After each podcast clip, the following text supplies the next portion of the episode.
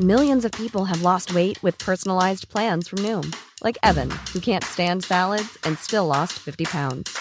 Salads, generally, for most people, are the easy button, right? For me, that wasn't an option. I never really was a salad guy. That's just not who I am. But Noom worked for me. Get your personalized plan today at Noom.com. Real Noom user compensated to provide their story. In four weeks, the typical Noom user can expect to lose one to two pounds per week. Individual results may vary. Ryan Reynolds here from Mint Mobile. With the price of just about everything going up during inflation, we thought we'd bring our prices down. So to help us, we brought in a reverse auctioneer, which is apparently a thing. Mint Mobile unlimited premium wireless. Ready to get 30, 30, bit to get 30, bit to get 20, 20, 20, bit to get 20, 20, bit to get 15, 15, 15, 15 just 15 bucks a month. So, Give it a try at mintmobile.com slash switch. $45 upfront for three months plus taxes and fees. Promo rate for new customers for limited time. Unlimited more than 40 gigabytes per month. Slows. Full terms at mintmobile.com. Huvudena är borta, ers majestät, skrek soldaterna tillbaka. Bra, skrek drottningen. Kan du spela krocket? Soldaterna teg och såg på Alice eftersom det tydligen var hon som hade fått frågan. Ja, skrek Alice. Kom hit då, röt drottningen och Alice sprang ifatt processionen, nyfiken på vad som skulle ske nu. Vackert, vackert väder idag, sa en liten röst bredvid henne. Det var kaninen som kikade ängsligt på henne. Ja, väldigt vackert, svarade Alice. Vart är hertiginnan? Shh, shh, sa kaninen hastigt med låg röst. Han såg sig ängsligt om, ställde sig på tå och höll munnen in till hennes öra och viskade. Hon är dömd till döden. Varför det? frågade Alice. Sa du det var synd? sa kaninen. Nej, det gjorde jag inte, sa Alice. Jag tycker inte alls att det är synd. Jag sa varför det? Hon gav drottningen en örfil, började kaninen. Alice brast i skratt. Nej, nej, tyst, tyst, viskade kaninen förskräckt. Tänk om drottningen hör dig. Hon kom lite för sent, ser du, och då sa drottningen. Till era platser, röt drottningen med tordöns stämma och krocketspelarna sprang som yra höns åt olika håll och krockade med varandra. Men efter ett litet tag var alla på plats och spelet kunde börja. Alice tyckte att hon aldrig hade sett ett så konstigt krocketspel förut. Planen var full av gropar och tuvor. Krocketkloten var levande igelkottar. Klubborna levande flamingofåglar. Och soldaterna fick vika sig dubbla och stå på alla fyra för att bilda bågarna. I början tyckte Alice att det var svårt att hantera flamingon. Hon lyckades klämma in kroppen ganska bekvämt under armen, men dess ben hängde fritt. Men för det mesta, just när hon hade fått fågelns hals rak och fin och skulle slå till igelkotten med huvudet, vred fågeln på halsen och tittade henne i ögonen med en sån förvånad min att hon måste skratta. Och när hon hade fått bukt med flamingos huvud och skulle sätta igång igen var det väldigt förargligt att igelkotten hade sträckt ut kroppen och höll på att kravla iväg. Förutom allt detta var det nästan alltid någon grop eller tuva i vägen vart hon än skulle skicka iväg igelkotten.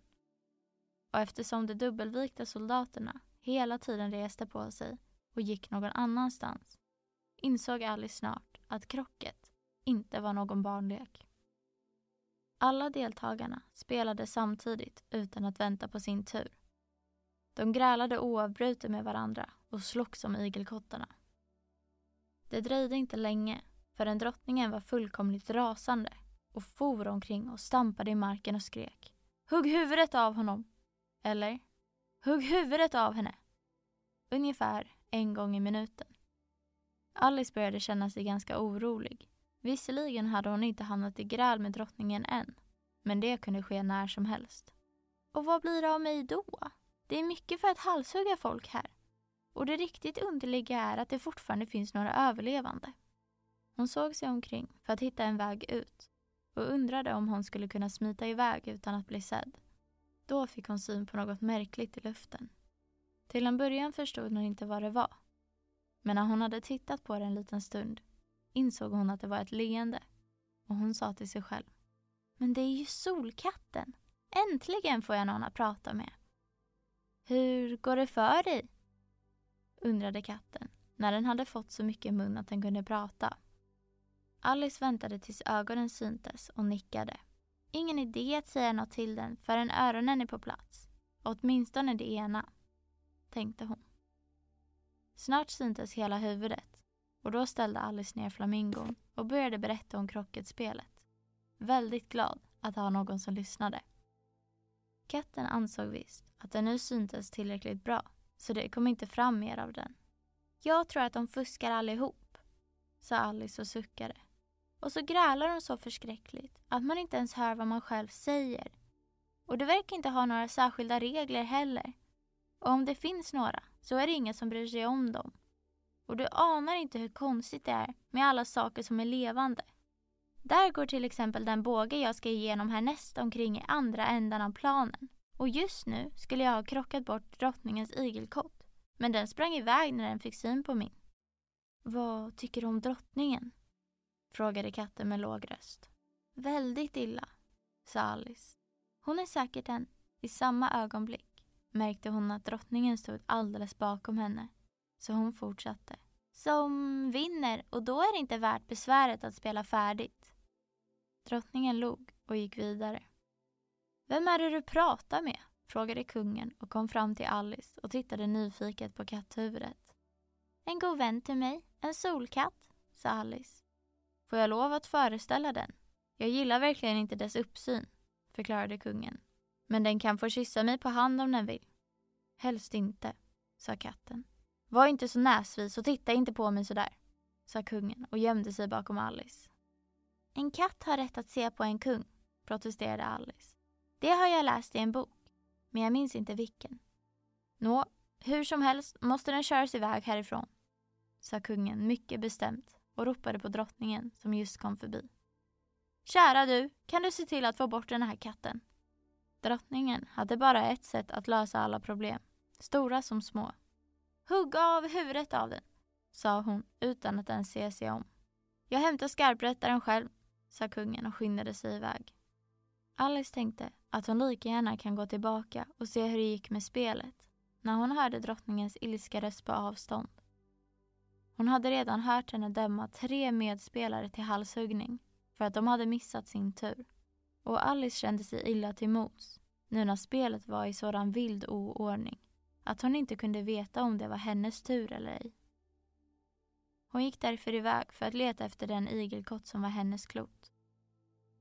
Igelkotten var i full färd med att slåss med en annan igelkott, vilket Alice tyckte var ett utmärkt tillfälle att krocka den med den andra. Men det var bara det att hennes flamingo hade spatserat bort till andra änden av trädgården, där Alice kunde se att den utan framgång försökte flyga upp i ett träd. När hon väl hade fått fatt i flamingon var slagsmålet över och de båda igelkottarna försvunna. Men det gör inget, tänkte Alice. Eftersom att alla bågar på den här planhalvan är borta.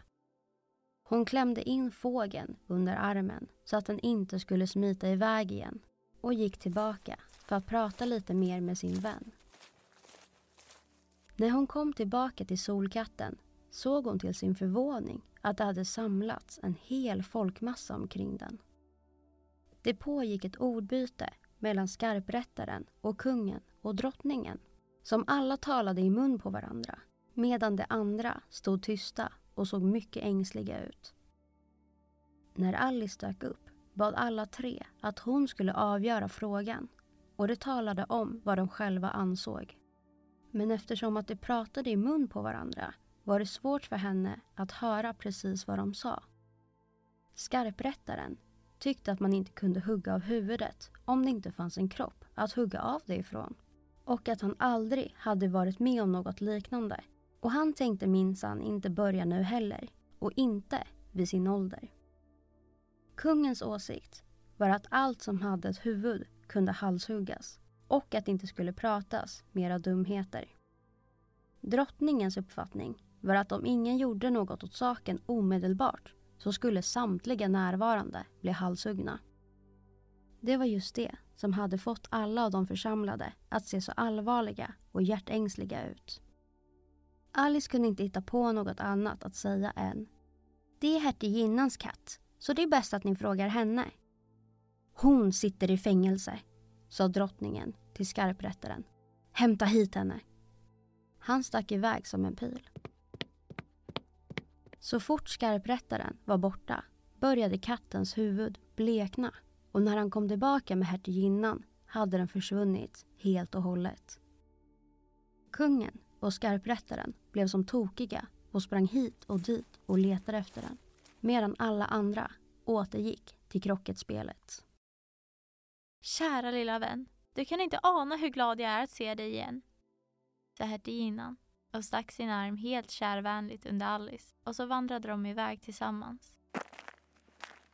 Alice var glad att se att hertiginnan var på så gott humör och tänkte att det kanske bara var pepparn som hade gjort henne så argsint när de hade träffats i köket. När jag blir hertiginna, tänkte hon, fast inte särskilt hoppfullt. Då ska jag inte ha någon peppar alls i mitt kök. I soppa behövs ingen peppar. Det är kanske pepparn som gör folk så arga, tänkte hon vidare, belåten med att ha kommit på en ny levnadsregel. Och av vinägen blir de sura och av kamomillte blir de bittra. Och efterrätter och godsaker gör barn söta och rara. Om bara folk visste det, då skulle de inte vara så snåla med det. Vid det laget hade hon totalt glömt bort hertiginnan och hoppade till lite när hon hörde hennes röst rätt intill sitt öra. Du går visst och funderar på något min vän, så att du glömmer att prata. Just nu kan jag inte säga vilken lärdom man ska dra av det, men jag kommer snart på det. Det kanske inte finns någon, vågade sig Alice på att anmärka. Prat barn lilla, sa hertiginnan. Man kan alltid dra lärdom av allting. Det gäller bara att hitta den. Medan hon talade tryckte hon sig allt tätare in till Alice. Alice tyckte inte om att hon höll sig så tätt in på henne. För hertiginnan var för det första verkligen ovanligt ful och för det andra precis så lång att hon kunde lägga hakan på Alice axel. Och hennes haka var väldigt vass. Spelet går visst bra nu, sa Alice för att hålla samtalet igång. Så sant, sa hertiginnan. Och av det kan vi lära. Ack, ja, det är kärleken. Kärleken som gör att det går framåt här i världen. Det var någon som sa att det är när var och en sköter sig själv som det går framåt, viskade Alice. Ja, nåja, det är ungefär samma sak, sa hertiginnan och borrade ner sin vassa lilla haka i Alice axel medan hon pratade på. Och den lärdom vi kan dra av det här, den som tar han har. Och pengar är inte allt här i världen, men nästan. Vad hon är road av att dra lärdom av allting, tänkte Alice.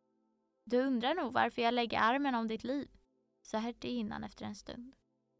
Det beror på att jag är lite orolig för flamingons humör.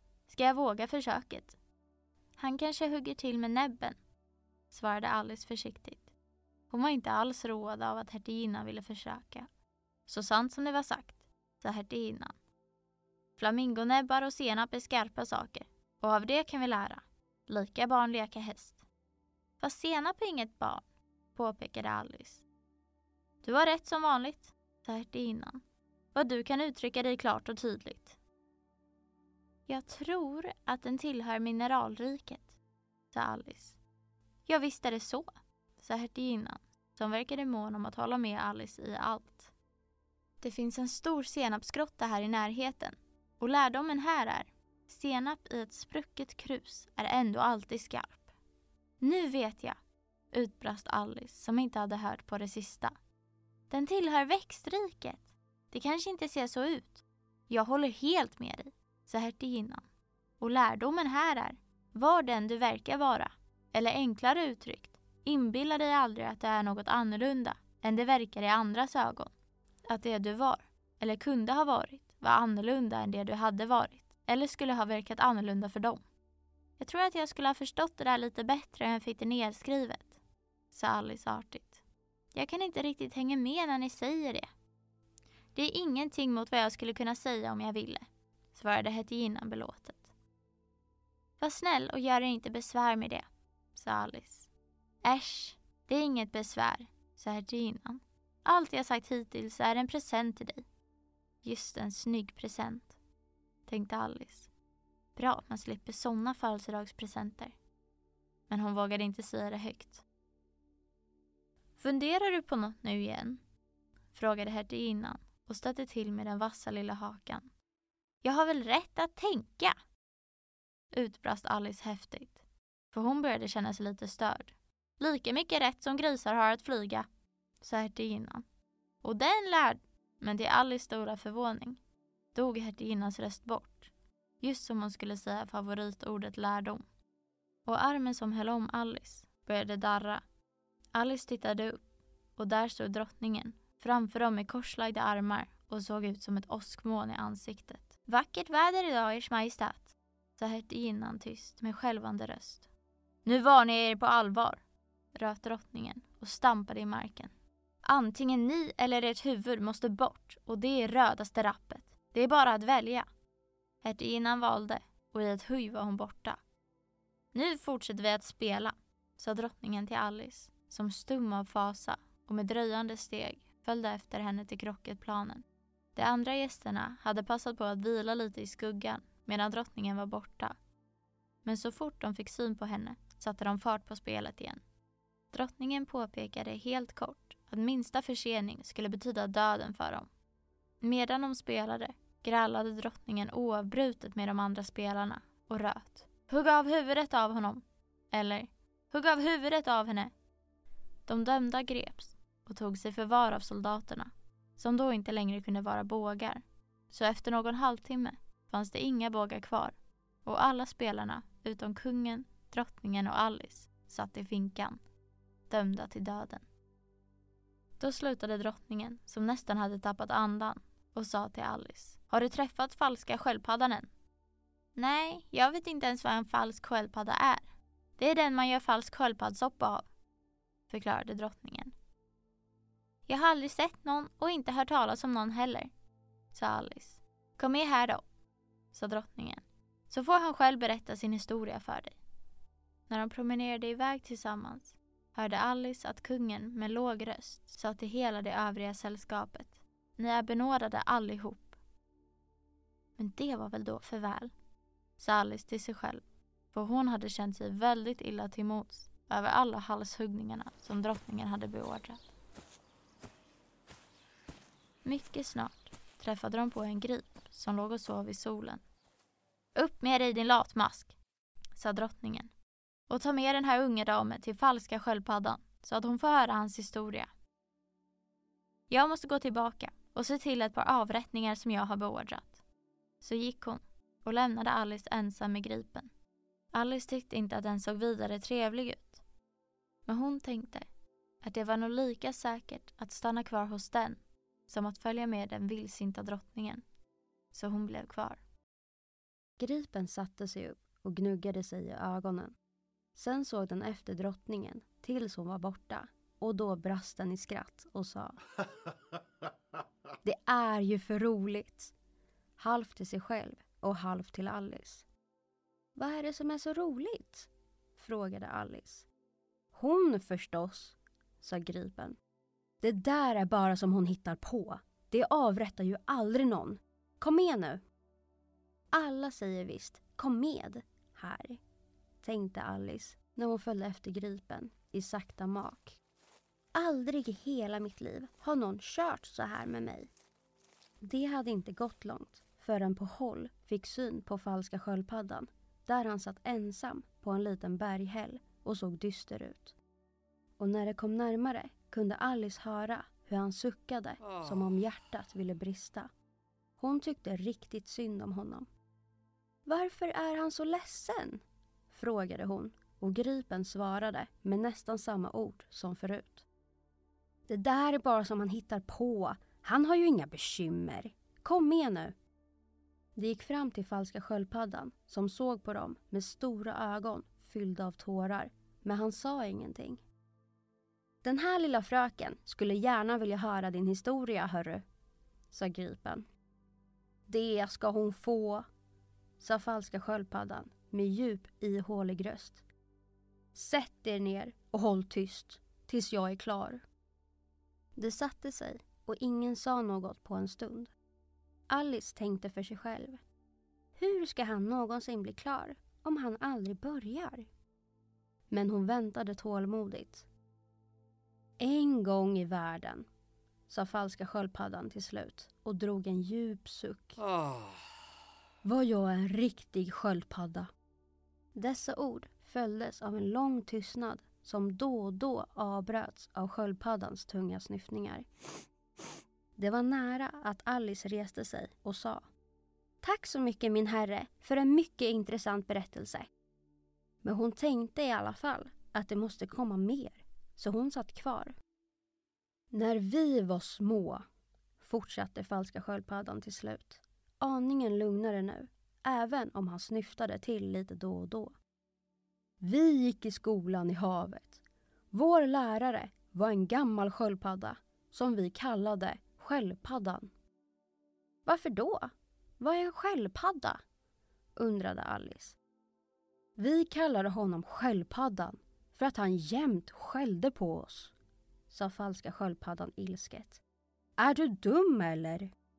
Du borde skämmas som frågar något så självklart, sa Gripen och sen satte de båda två och glodde på stackars Alice som helst hade velat sjunka genom jorden, som om hon inte redan hade gjort det.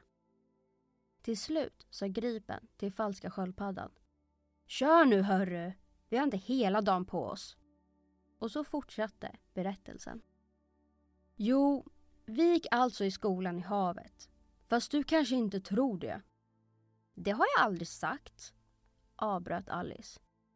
Det har du visst, sa falska sköldpaddan. Håll babblan, sa Gripen innan Alice hann öppna munnen. Falska sköldpaddan fortsatte. Vi fick den bästa tänkbara undervisningen. Jag vi gick faktiskt i skolan var dag. Jag gick också i skolan på vardagar, sa Alice. Du behöver inte vara så mallig för det. Hade ni extra ämnen också? frågade falska sköldpaddan. Ja, svarade Alice. Musik och franska. Och vattenkonst? undrade den falska sköldpaddan. Nej, verkligen inte, sa Alice. Ja, så inte? Ja, då var det väl inte någon bra skola då? sa falska sköldpaddan och kände sig väldigt lättad. Men i vår skola kunde man få välja till musik och franska och extraundervisning i vattenkonst. Det behövde väl inte ni som bodde på havsbotten, sa Alice. Jag kunde inte ta de kurserna, sa falska sköldpaddan med en suck. Jag läste bara de obligatoriska ämnena. Och vad var det för ämnen då? undrade Alice. Först väsa och kliva förstås, svarade falska sköldpaddan. Och så de fyra räknesätten. Puss, sinus, filifikation och felat med. Jag har då aldrig hört talas om filifikation, sa Alice. Vad är det? Gripen lyfte bägge framfötterna av förvåning. Har du aldrig hört talas om filifikation? utbrast den. Du vet väl vad försköna betyder? Ja, sa Alice och drog på svaret. Det är när man gör något finare. Nå, då så. Om du inte vet vad filifikation är så är du en riktig dumskalle. Alice trodde inte att det var värt att komma med flera frågor om den saken. Så hon vände sig till falska sköldpaddan och sa Vad mer läste ni? Mystoria, antik och modern, svarade falska sköldpaddan och räknade på labbarna. Med geografi och sen sträckning. Sträckningsläraren var en gammal havsål som kom en gång i veckan. Han lärde oss också att kryssa och åla i olja. Hur gjorde ni då? frågade Alice. Tyvärr kan jag inte visa det för dig för att jag har blivit för stel i lederna, sa falska sköldpaddan. Och gripen lärde sig aldrig. Jag hade inte tid, sa gripen. Men jag läste krassliga bråk för en gammal sur och krabbig krabba, må du tro.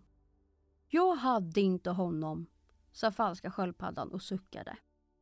Där fick man visst lära sig inte bara det krassliga utan också de döda bråken, skratt in och kräkiska har jag hört. Just det, just det, sa gripen och suckade i sin tur. Och båda djuren gömde huvudet i fötterna. Det var så sorgligt att bråken var döda.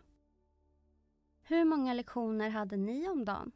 frågade Alice som fick bråttom att prata om något annat. Tio den första dagen, sa falska sköldpaddan. Nio nästa och så vidare. Vilket konstigt schema, utbrast Alice. Det är därför det heter lektioner. Mer tid för lek och idrott för varje dag, påpekade Gripen. Det var en alldeles ny tanke för Alice. Hon funderade en stund innan hon sa Då måste ni haft lov den elfte dagen.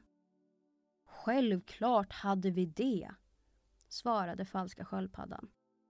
Och hur gjorde ni den tolfte? fortsatte Alice ivrigt. Nog prata om lektioner, avbröt Gripen mycket bestämt. Berätta lite mer om lek och idrott istället. Falska sköldpaddan suckade tungt och drog med ena labben över ögonen. Han såg på Alice och försökte säga något, men rösten kvävdes av snyftningar. Precis som om han hade satt ett ben i halsen, sa Gripen och började ruska honom och banka honom i ryggen. Till slut fick falska sköldpaddan tillbaka rösten igen och så fortsatte han med tårarna strömmande ner för kinderna. Du kanske inte har bott så mycket under vattnet? Nej, det har jag inte, sa Alice. Och du kanske aldrig har träffat på en hummer? Alice hade på tungan att säga en gång har jag smakat. Men hejdade sig i tid och sa nej, aldrig. Så du har ingen aning om hur rolig hummerkadriljen är? Nej, inte det minsta, sa Alice. Vad är det för en dans? Jo, sa Gripen. Först ställde alla upp sig på ett led längs stranden. Två led, skrek falska sköldpaddan. Sälar, sköldpaddor, laxar och så vidare. Så när man har fått bort alla maneterna, och det brukar ta sin lilla tid, avbröt Gripen, tar man två steg framåt. Var och en med en hummer framför sig, hojtade Gripen. Just det, sa falska sköldpaddan. Två steg framåt, två hopp på stället. Och byt hummer och gå tillbaka på samma sätt, fortsatte Gripen. Sen förstår du, fortsatte falska sköldpaddan. Sen kastar man hum humrarna, tjöt Gripen och hoppade jämfota på stället. Så långt ut i sjön man kan. Simma efter dem, skrek Gripen. Slå en kullerbytta i vattnet, skrek falska sköldpaddan och skuttade omkring alldeles till sig. Byt hummer igen, vrålade Gripen för full hals. Tillbaka till stranden igen. Och ja, det är hela första turen i dansen, sa falska sköldpaddan och tystnade med ens. Och de båda djuren, som hade dansat runt som tokiga hela tiden, satte sig helt plötsligt ner och såg med sorgsna blickar på Alice. Det måste vara en väldigt vacker dans att se på, sa Alice försiktigt. Skulle du vilja se lite av den? frågade falska sköldpaddan. Hemskt gärna, sa Alice. Kom så försöker vi med första turen, sa falska sköldpaddan till gripen. Det kan vi ju göra utan humrar. Vem av oss sjunger? Det får du göra, sa gripen. Jag har glömt orden. Och så började den högtidliga dansen runt Alice och då och då trampade de henne på tårna när de kom för nära. Hon slog takten med framfötterna medan falska sköldpaddan sjöng så här, långsamt och vemodigt. Lilla snigel, raska på, sade vitlingen helt tvärt. För jag har ett väldigt sjå, en delfin står på min stjärt. Humrarna och alla andra är ivriga att ta sin chans. Att få dansa med varandra. Vill du delta i vår dans? Vill du, vill du, vill du, törs du dansa med? Vill du, vill du, vill du, törs du dansa med? Tänk så härligt det ska bli när de kastar oss i sjön. Nej, för långt, sa snigeln. Tvi. Låt mig slippa, hör min bön. Jag törs inte lämna stranden. Ut till havs en sån distans. Jag vill stanna här i sanden. Och jag avstår nog från dans. Vill ej, kan ej, vill ej, törs ej dansa med. Vill ej, kan ej, vill ej, törs ej dansa med. Vad gör avståndet, sa fisken. Andra sidan sjön är land. Kära snigel, våga risken. Att få se en annan strand. Tänk på att ju längre bort, desto närmare finns någonstans. Det tid avståndet är kort, vill du delta i vår dans. Vill du, vill du, vill du, vill du, törs du dansa med? Vill du, vill du, vill du, visst törs du dansa med? Tack ska ni ha. Det var ju väldigt intressant att titta på, sa Alice som var glad att dansen äntligen tog slut. Och den där visan om vitlingen var ju jätterolig. Ja, på tal om vitling, sa falska sköldpaddan. Det, du har förstås sett dem? Ja då, många gånger vid midd, svarade Alice, men hejdade sig i sista stund. Inte för att jag vet var midd ligger, sa falska sköldpaddan. Men om du har sett dem så många gånger så vet du förstås hur de ser ut. Jag tror det, svarade Alice fundersamt. Det biter sig i stjärten och så är det översållade med brödsmulor. Det där med brödsmulorna är fel. Det skulle sköljas bort i havet. Men det är sant att de biter sig i stjärten. Och det beror på... Falska sköldpaddan gäspade och slöt ögonen. Berätta varför och allt det där, sa han till Gripen. Jo, sa Gripen. Det beror på att de väldigt gärna vill följa med humrarna och dansa. Och så blev de kastade i havet. Och så föll det ett långt stycke. Och så fastnade stjärten i munnen på dem. Och sen fick de inte ut dem igen. Så ligger det till. Tack ska du ha. Det var intressant, sa Alice. Jag har aldrig hört så mycket om vitlingar. Jag kan berätta mer för dig om du vill, sa Gripen. Vet du varför de kallas vitlingar? Nej, det har jag aldrig tänkt på, sa Alice. Varför då? De putsar skor och stövlar på havets botten, svarade Gripen. Och för att de inte är svarta. Alice blev allt mer förvirrad. Inte svarta? Just det. Vilken färg har dina skor? sa Gripen. Jag menar, hur kan de vara så blanka? Alice tittade ner på dem och funderade en stund innan hon svarade. Det putsas väl med svart skokräm, skulle jag tro. Stövlar och skor på havets botten vitblankas, sa Gripen med djup röst. Så, nu vet du det. Och vad är de gjorda av? Alice började bli riktigt nyfiken. Ålskinn, havssulor och bergsklackar förstås, sa Gripen otåligt. Det vet väl varenda räka? Om jag hade varit vitlingen, sa Alice som inte kunde släppa tanken på sången, så skulle jag sagt till delfinen, håll dig på avstånd, vi vill inte ha sällskap med dig. Det har inget val, förklarade falska sköldpaddan. Ingen förståndig fisk simmar någonsin utan en delfin. Jaså, är det inte valfritt? utbrast Alice förvånat. Såklart inte, sa falska sköldpaddan. Om en fisk kom till mig och sa att han skulle ut och resa skulle jag fråga honom om hans val. Inte hans val av resmål alltså, utan om hans delfin.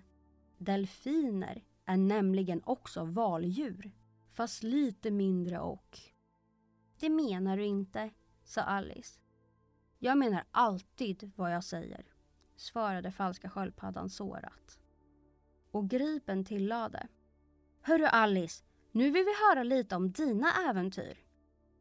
Jag kan väl berätta om mina äventyr från och med i morse, sa Alice lite osäkert.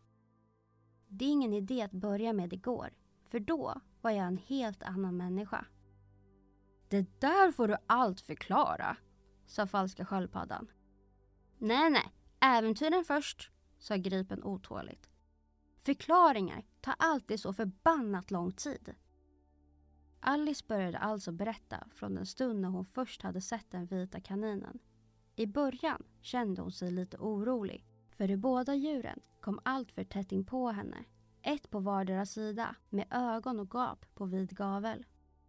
Men hon fattade mod igen och fortsatte sin berättelse. Åhörarna satt knäpptysta tills hon så småningom kom fram till när hon skulle läsa upp Gamle man för kolmasken och det inte alls blev roligt. Då drog falska sköldpaddan djupt efter andan och sa Det var väldigt konstigt. Alltihop är så konstigt det kan bli, sa Gripen. Allt blir bara fel, sa falska sköldpaddan fundersamt. Jag skulle gärna vilja höra henne läsa eller sjunga något nu. Säg åt henne att börja. Han tittade på Gripen som om han trodde att den bestämde över Alice. Stå upp och sjung sju vackra flickor i en ring, uppmanade Gripen. Som det här kräken kör med mig och ska ha mig att sjunga och rabbla utan till, tänkte Alice. Man kunde ju lika gärna vara i skolan. Hon reste sig i alla fall och började sjunga.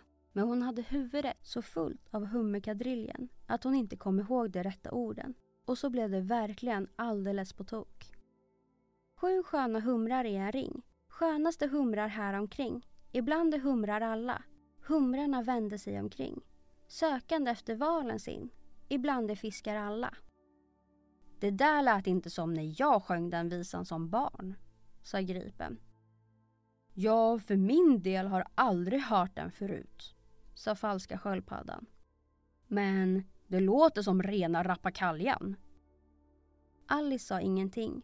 Hon hade satt sig ner och med huvudet i händerna undrade hon om något överhuvudtaget någonsin skulle bli som vanligt igen. Jag skulle vilja ha en förklaring på den, sa falska sköldpaddan. Hon har ingen förklaring, sa Gripen tvärt. Fortsätt med nästa vers. Men hur kunde det dansa i en ring? envisades falska sköldpaddan. Kunde det balansera på skärten tror du? Lärde du dig inte sånt av sköldpaddan? frågade Alice som inte förstod ett dugg och bara längtade efter att få byta ämne. Fortsätt med nästa vers, sa Gripen igen. Den börjar så här. Vara vem det? Alice vågade inte annat än att lyda fastän hon visste att det skulle bli fel hela vägen. Så hon fortsatte med darrande röst. Vara vem det vara vill. Den som jag hugger klorna i, han blir min unge makrill. Vad är det för mening med att sjunga sånt strunt? undrade falska sköldpaddan. Om du inte förklarar det allt eftersom. Jag blir alldeles vimmelkantig. Det var det värsta svammel jag har hört. Ja, det är nog bäst att du lägger av nu, sa Gripen. Och det gjorde Alice mer än gärna. Ska vi pröva en tur till av hummerkadriljen? frågade Gripen. Eller vill du att falska sköldpaddan ska sjunga en sång? Åh tack, gärna en sång snälla falska sköldpaddan, svarade Alice så ivrigt att Gripen sa en smula sårat. Hm, smaken är olika. Sjung sången om dagens sköldpaddssoppa för henne, hörru. Falska sköldpaddan suckade tungt och började med en röst som var kvävd av snyftningar att sjunga. Härliga soppa, jag älskar dig. Du är dagens soppa för mig. Så simmig och grön och rykande het, du härliga soppa, det bästa jag vet. Härliga soppa, jag älskar dig. Härliga soppa, jag älskar dig. Dagens finaste rätt för mig. Vem vill ha fågel, fisk eller doppa istället för denna smakliga soppa? Härliga soppa, jag älskar dig. Du är dagens soppa för mig. Härliga soppa, jag älskar dig. Du skönaste soppa, jag älskar dig. Ta om refrängen, skrek Gripen och falska sköldpaddan hade just börjat om när det hördes ett rop längre bort. Rättegången har börjat! Kom med här, ropade Gripen och högg tag i Alice hand och skyndade iväg utan att vänta på att sången skulle sluta. Vad är det för en rättegång? flämtade Alice medan hon sprang. Men Gripen sa bara Kom med här och sprang ännu fortare. Och under tiden klingade den vemodiga visan allt svagare och svagare i brisen. Härliga soppa, jag älskar dig. Du skönaste soppa, jag älskar dig. När de kom fram satt kungen och drottningen redan på sin tron med en stor folksamling omkring sig. Där fanns alla sorters småfåglar och fyrfota djur, liksom hela kortleken. I ett särskilt bås stod Gerte Knäckt i bojor, vaktad av två soldater. Och ute på golvet stod kaninen med en trumpet i ena handen och en pergamentrulle i den andra. Mitt på golvet stod ett bord dukat med flera fruktpajer på en bricka. De såg så läckra ut att Alice blev riktigt hungrig bara av att titta på dem. Om rättegången var över så kunde de servera förfriskningarna, tänkte hon. Men det skulle nog inte bli något med det. Så för att få tiden att gå började hon se sig omkring.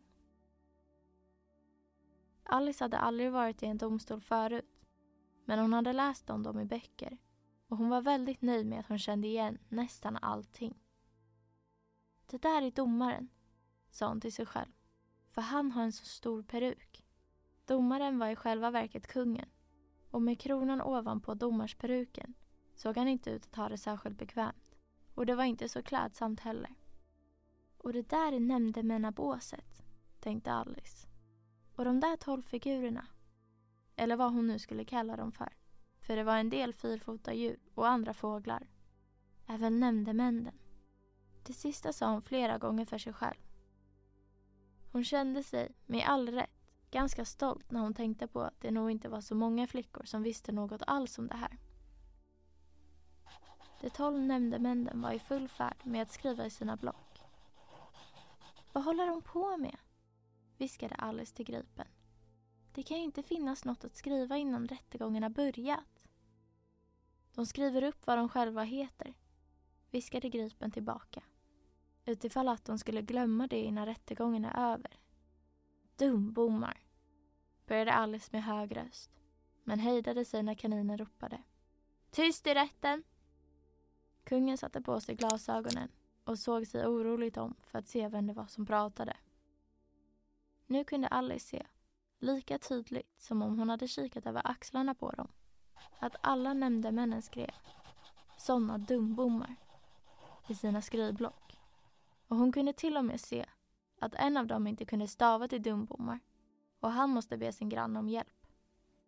Det kommer ju just se snyggt ut i deras block innan förhöret är över, tänkte Alice.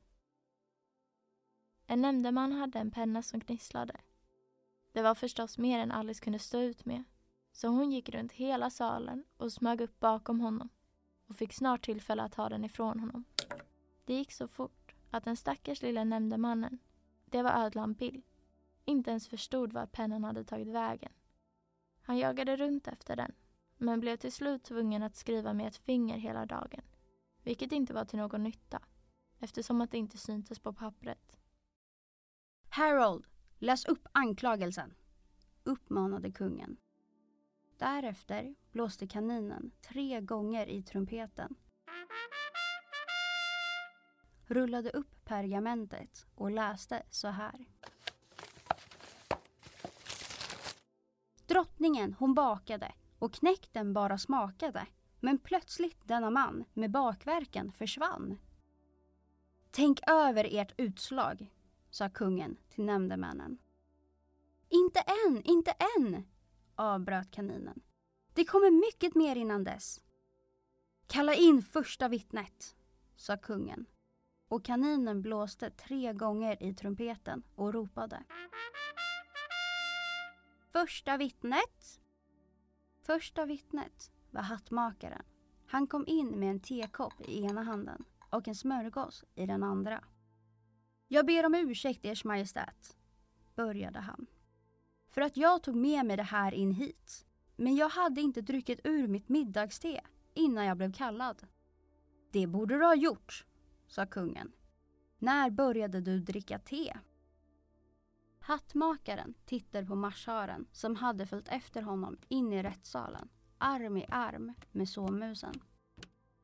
14 mars tror jag att det var, svarade han. 15 sa marscharen 16 sa sovmusen. Skriv upp det där, sa kungen till nämndemännen som skyndade sig att skriva upp alla tre datum i sina block och sen lägga ihop dem och förvandla dem till meter och decimeter. Ta av dig hatten, sa kungen till hattmakaren. Den är inte min, sa hattmakaren. Stulen alltså, utbrast kungen och vände sig mot nämndemännen som genast gjorde en anteckning om saken. Mina hattar är till salu, förklarade hattmakaren.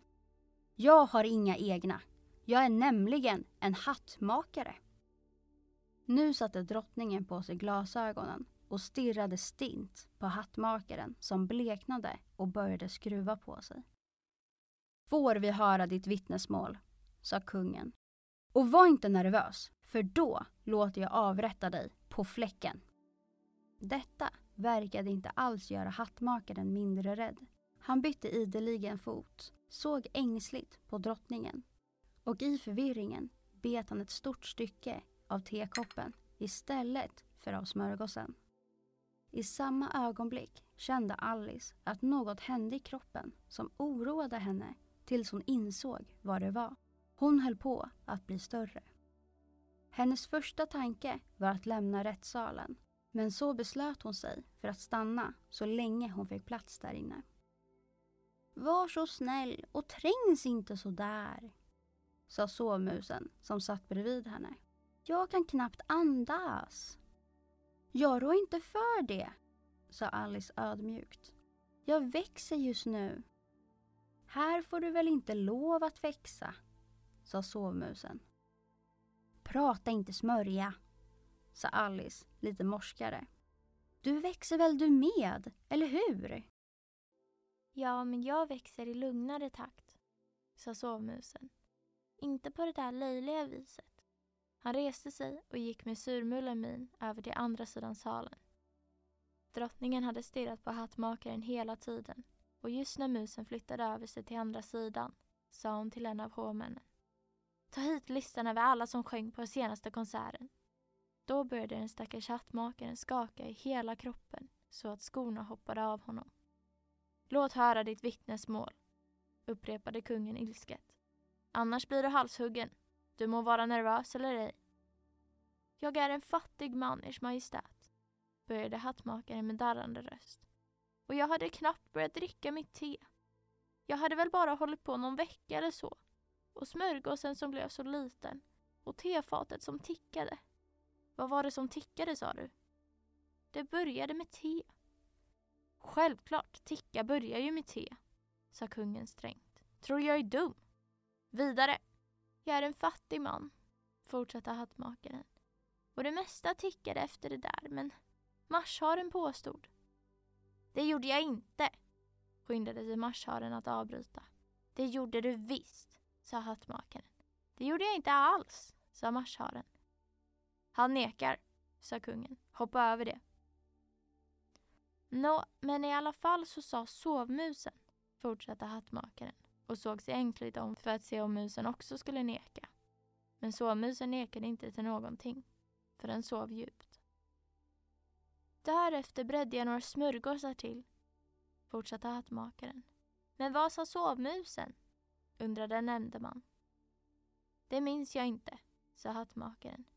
Det måste du komma ihåg, anmärkte kungen. Annars låter jag avrätta dig. Den eländige stackars hattmakaren släppte både tekopp och smörgås och föll på knä. Jag är en ynklig stackare, ers majestät, började han.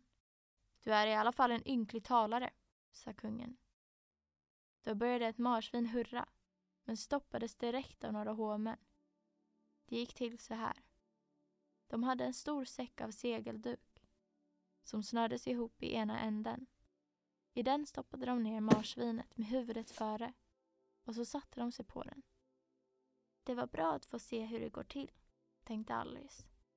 Jag har ofta läst i tidningen att folk började applådera när en rättegång var över, vilket omedelbart stoppades av rättsbetjänterna. Och jag har aldrig begripit vad det betyder förrän nu. Om det är allt du nu vet om saken så kan du gå ner, fortsatte kungen. Jag kan inte komma längre ner, sa hattmakaren. Jag står redan på golvet. Men så sätt dig då, svarade kungen. Då hurrade det andra marsvinet och stoppades prompt ner i säcken. Jaha, så var vi av med marsvinen, tänkte Alice. Nu ska det väl gå bättre. Jag vill gärna dricka ur mitt te, sa hattmakaren med ängslig blick på drottningen som satt och läste sångarlistan.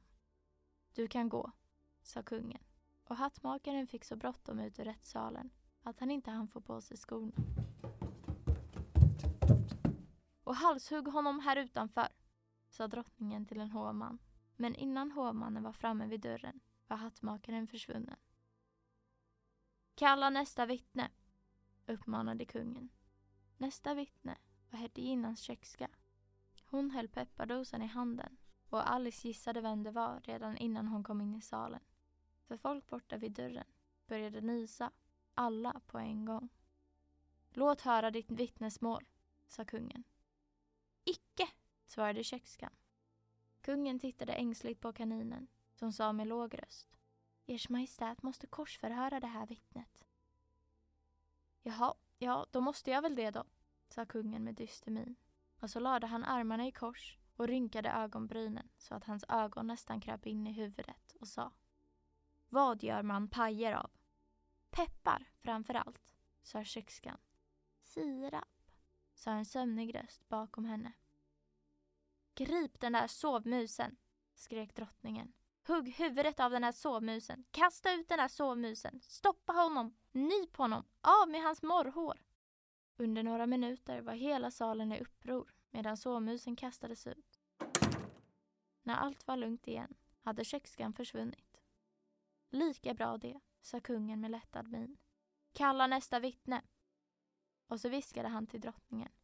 Du får korsförhöra nästa vittne, min vän. Jag får sån huvudvärk av det. Alice tittade noga på medan kaninen fumlade med listan. För hon var väldigt nyfiken på vem som skulle bli nästa vittne. För de har inte mycket bevis än, sa hon till sig själv. Gissa om hon blev förvånad när kaninen så högt han kunde med sin gälla lilla röst ropade upp namnet. Alice! Här är jag! ropade Alice som i hastigheten glömde bort hur stor hon hade blivit under de sista minuterna.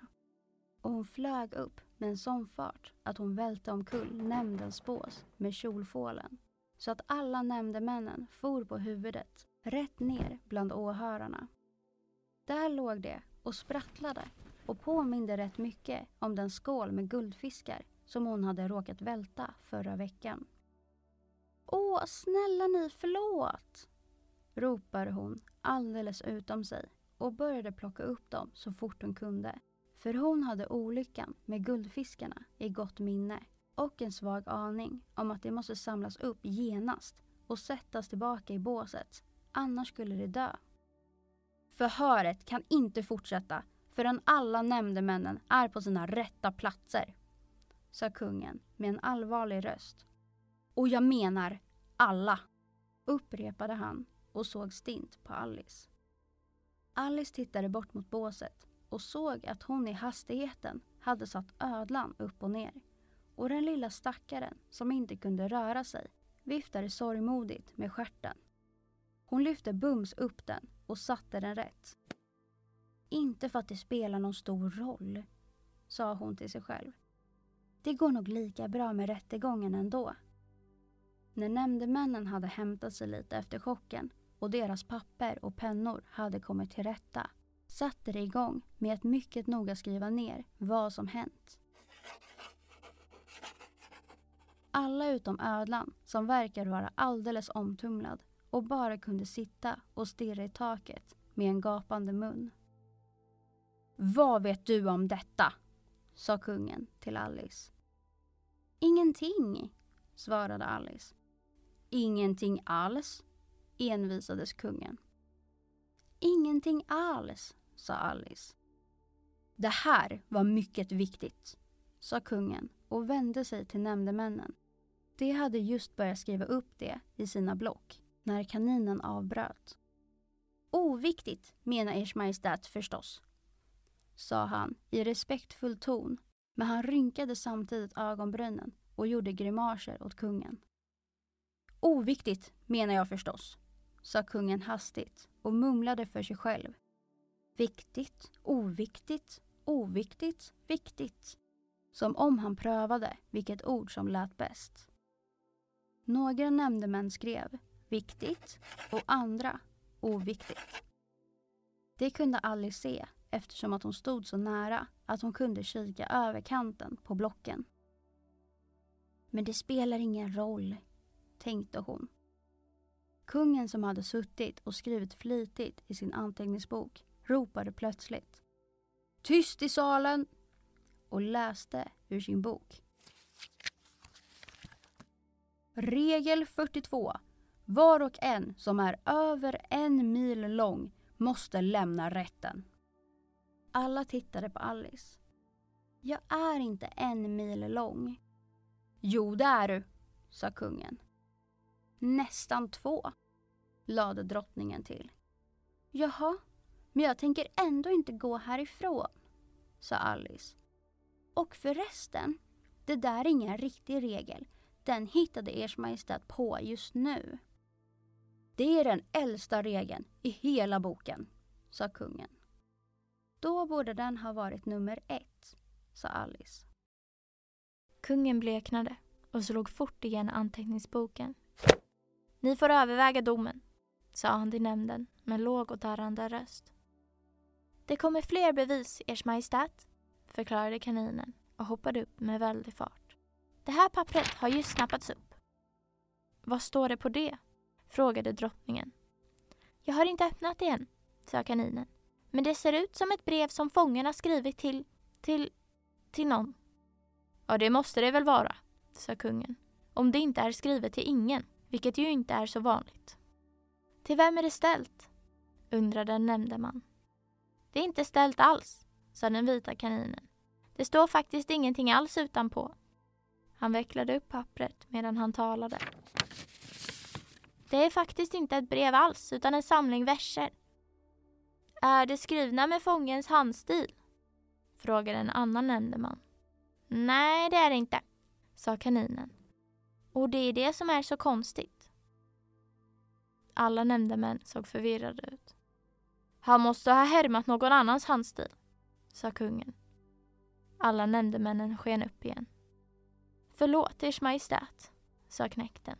Jag har inte skrivit det där och det kan inte bevisa att det är jag som har gjort det för det står inget namn under.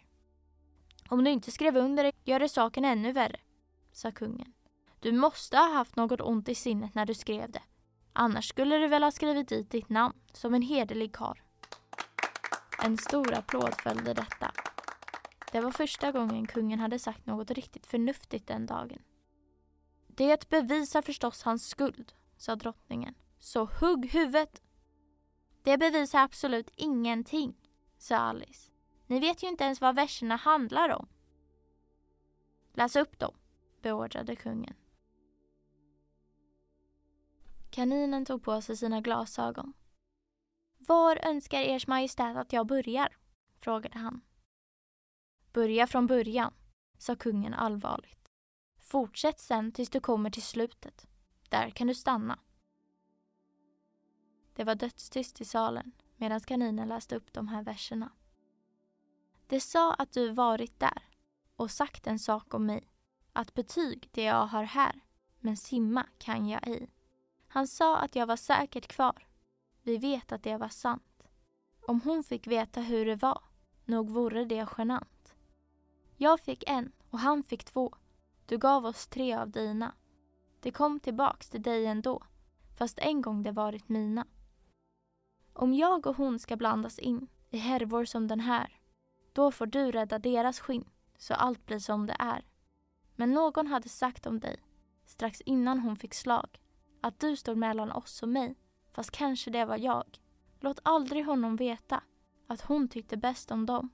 Han anar säkert ej ett skvatt och tror det är tvärtom. Det var det viktigaste vittnesmål vi hört hittills, sa kungen och gnuggade händerna. Nu ska alltså nämnden... Om inte någon av dem kan förklara det, sa Alice som hade vuxit så mycket att hon inte längre var ett dugg rädd att avbryta honom. Så ska han få en slant av mig. För jag för min del tror inte att det finns någon mening alls med det här. Alla nämndemännen skrev i sina block. Hon tror för sin del inte att det finns någon mening alls med det här. Men ingen av dem försökte förklara verserna. Om det nu inte finns någon minsta mening i det, sa kungen, så spar vi en massa besvär eftersom vi inte behöver försöka hitta någon. Men jag vet ändå inte, fortsatte han och bredde ut verserna i knät och började läsa med ett öga. Jag tycker att det verkar vara någon mening i dem ändå.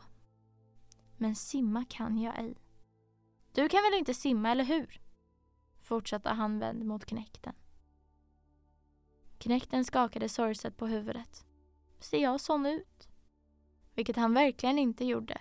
Han var ju bara en bit kartong. Allt väl så långt, sa kungen och muttrade vidare för sig själv. Vi vet att det inte var sant. Det är förstås nämnden. Om hon har fått veta hur det var. Det måste vara drottningen. Nog vore det genant. Ja, det kan man verkligen säga.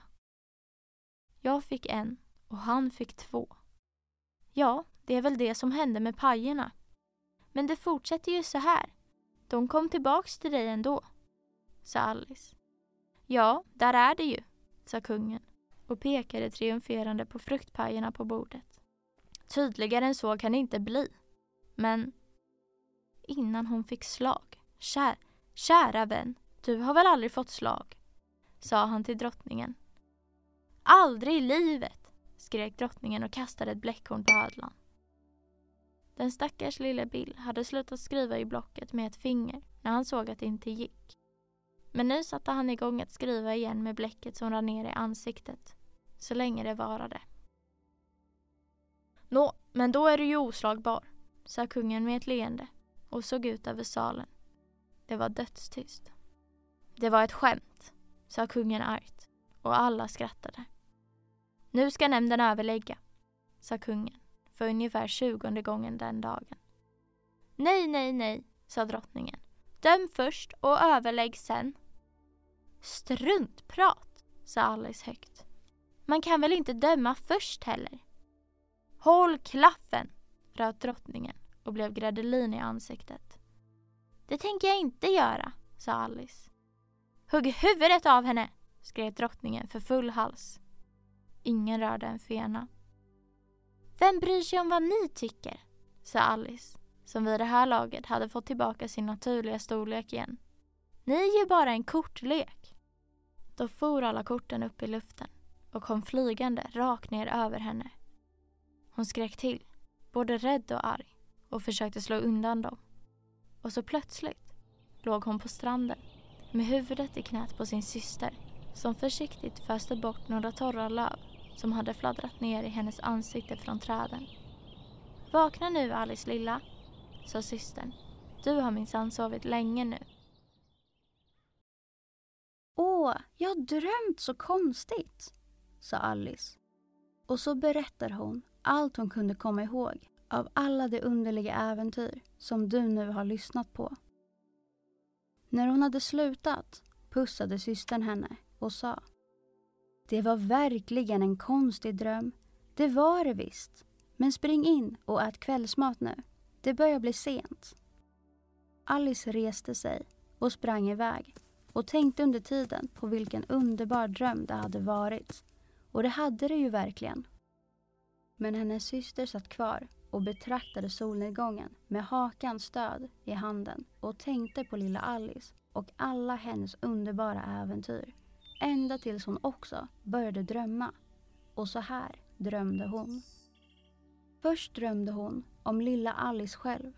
Än en gång låg de små händerna knäppta i knät och hon såg upp på henne med sin klara, ivriga blick. Hon kunde höra hur hennes röst lät och se den lustiga lilla knycken på nacken hon brukade göra för att få bort det ostyriga håret som alltid föll ner i ögonen på henne. Och allt eftersom hon lyssnade, eller tyckte sig lyssna, började hela rymden omkring henne leva av alla de märkliga varelser som hade befolkat lilla systerns dröm. Det prasslade i det höga gräset vid hennes fötter när kaninen ilade förbi. Den livrädda råttan plaskade iväg i dammen strax intill. Hon hörde skramlet av tekopparna när marsharen och hans vänner höll sitt kalas som aldrig tog slut. Och drottningens gälla röst när hon gav order om att hennes stackars gäster skulle avrättas. Än en gång nös grisbarnet i knät på hertiginnan medan tallrikar och fat krossades runt omkring. Än en gång fylldes luften av gripens hesa läte, gnisslet från ödlans penna och de kvävda skriken från marsvinen som stoppades i säcken. Allt sammans blandat med snyftningar från den olyckliga falska sköldpaddan. Hon satt där med slutna ögon och trodde nästan att hon själv befann sig i underlandet. fastän hon visste att hon bara behövde öppna dem igen för att allt skulle bli vanlig verklighet. Gräset skulle bara prassla lite i vinden och dammens vatten bara krusas av den vajande säven. De skramlande tekopparna skulle bli fårens bjällror och drottningens gälla rop, vallpojkens röst och barnets nysningar, gripens läte och alla de andra märkliga ljuden skulle bli. Det visste hon. Bondgårdens alla ljud, medan kornas råmande längre bort skulle ersätta den sorgsna falska sköldpaddans tunga snyftningar. Till slut såg hon för sig hur hennes lilla syster en gång skulle bli vuxen och hur hon genom alla år skulle behålla sitt goda, varma hjärta. Hur hon skulle samla andra små barn omkring sig och få deras ögon att ivrigt stråla av många märkliga berättelser. Kanske också av drömmar om underlandet en gång för länge sedan och hur hon skulle dela deras små bekymmer och glädjas åt deras roliga lekar och minnas sin egen barndoms alla lyckliga sommardagar. Selling a little or a lot? Shopify helps you do your thing however you cha-ching. Shopify is the global commerce platform that helps you sell at every stage of your business. From the launch your online shop stage to the first real life store stage, all the way to the did we just hit a million orders stage. Shopify is there to help you grow. Shopify helps you turn browsers into buyers with the internet's best converting checkout. 36% better on average compared to other leading commerce platforms because businesses that grow grow with Shopify. Get a $1 per month trial period at shopify.com/work. shopify.com/work. Hey, I'm Ryan Reynolds. At Mint Mobile, we like to do the opposite of what Big Wireless does. They charge you a lot, we charge you a little. So naturally, when they announced they'd be raising their prices due to inflation, we decided to deflate our prices due to not hating you. That's right. We're cutting the price of Mint Unlimited from $30 a month to just $15 a month. Give it a try at mintmobile.com slash switch. $45 upfront for three months plus taxes and fees. Promo rate for new customers for limited time. Unlimited more than 40 gigabytes per month. Slows. Full terms at mintmobile.com.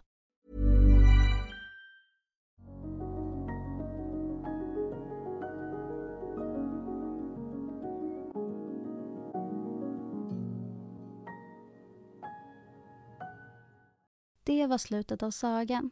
Tack för att ni lyssnade. Ha det bra! Head over to Hulu this March, where our new shows and movies will keep you streaming all month long.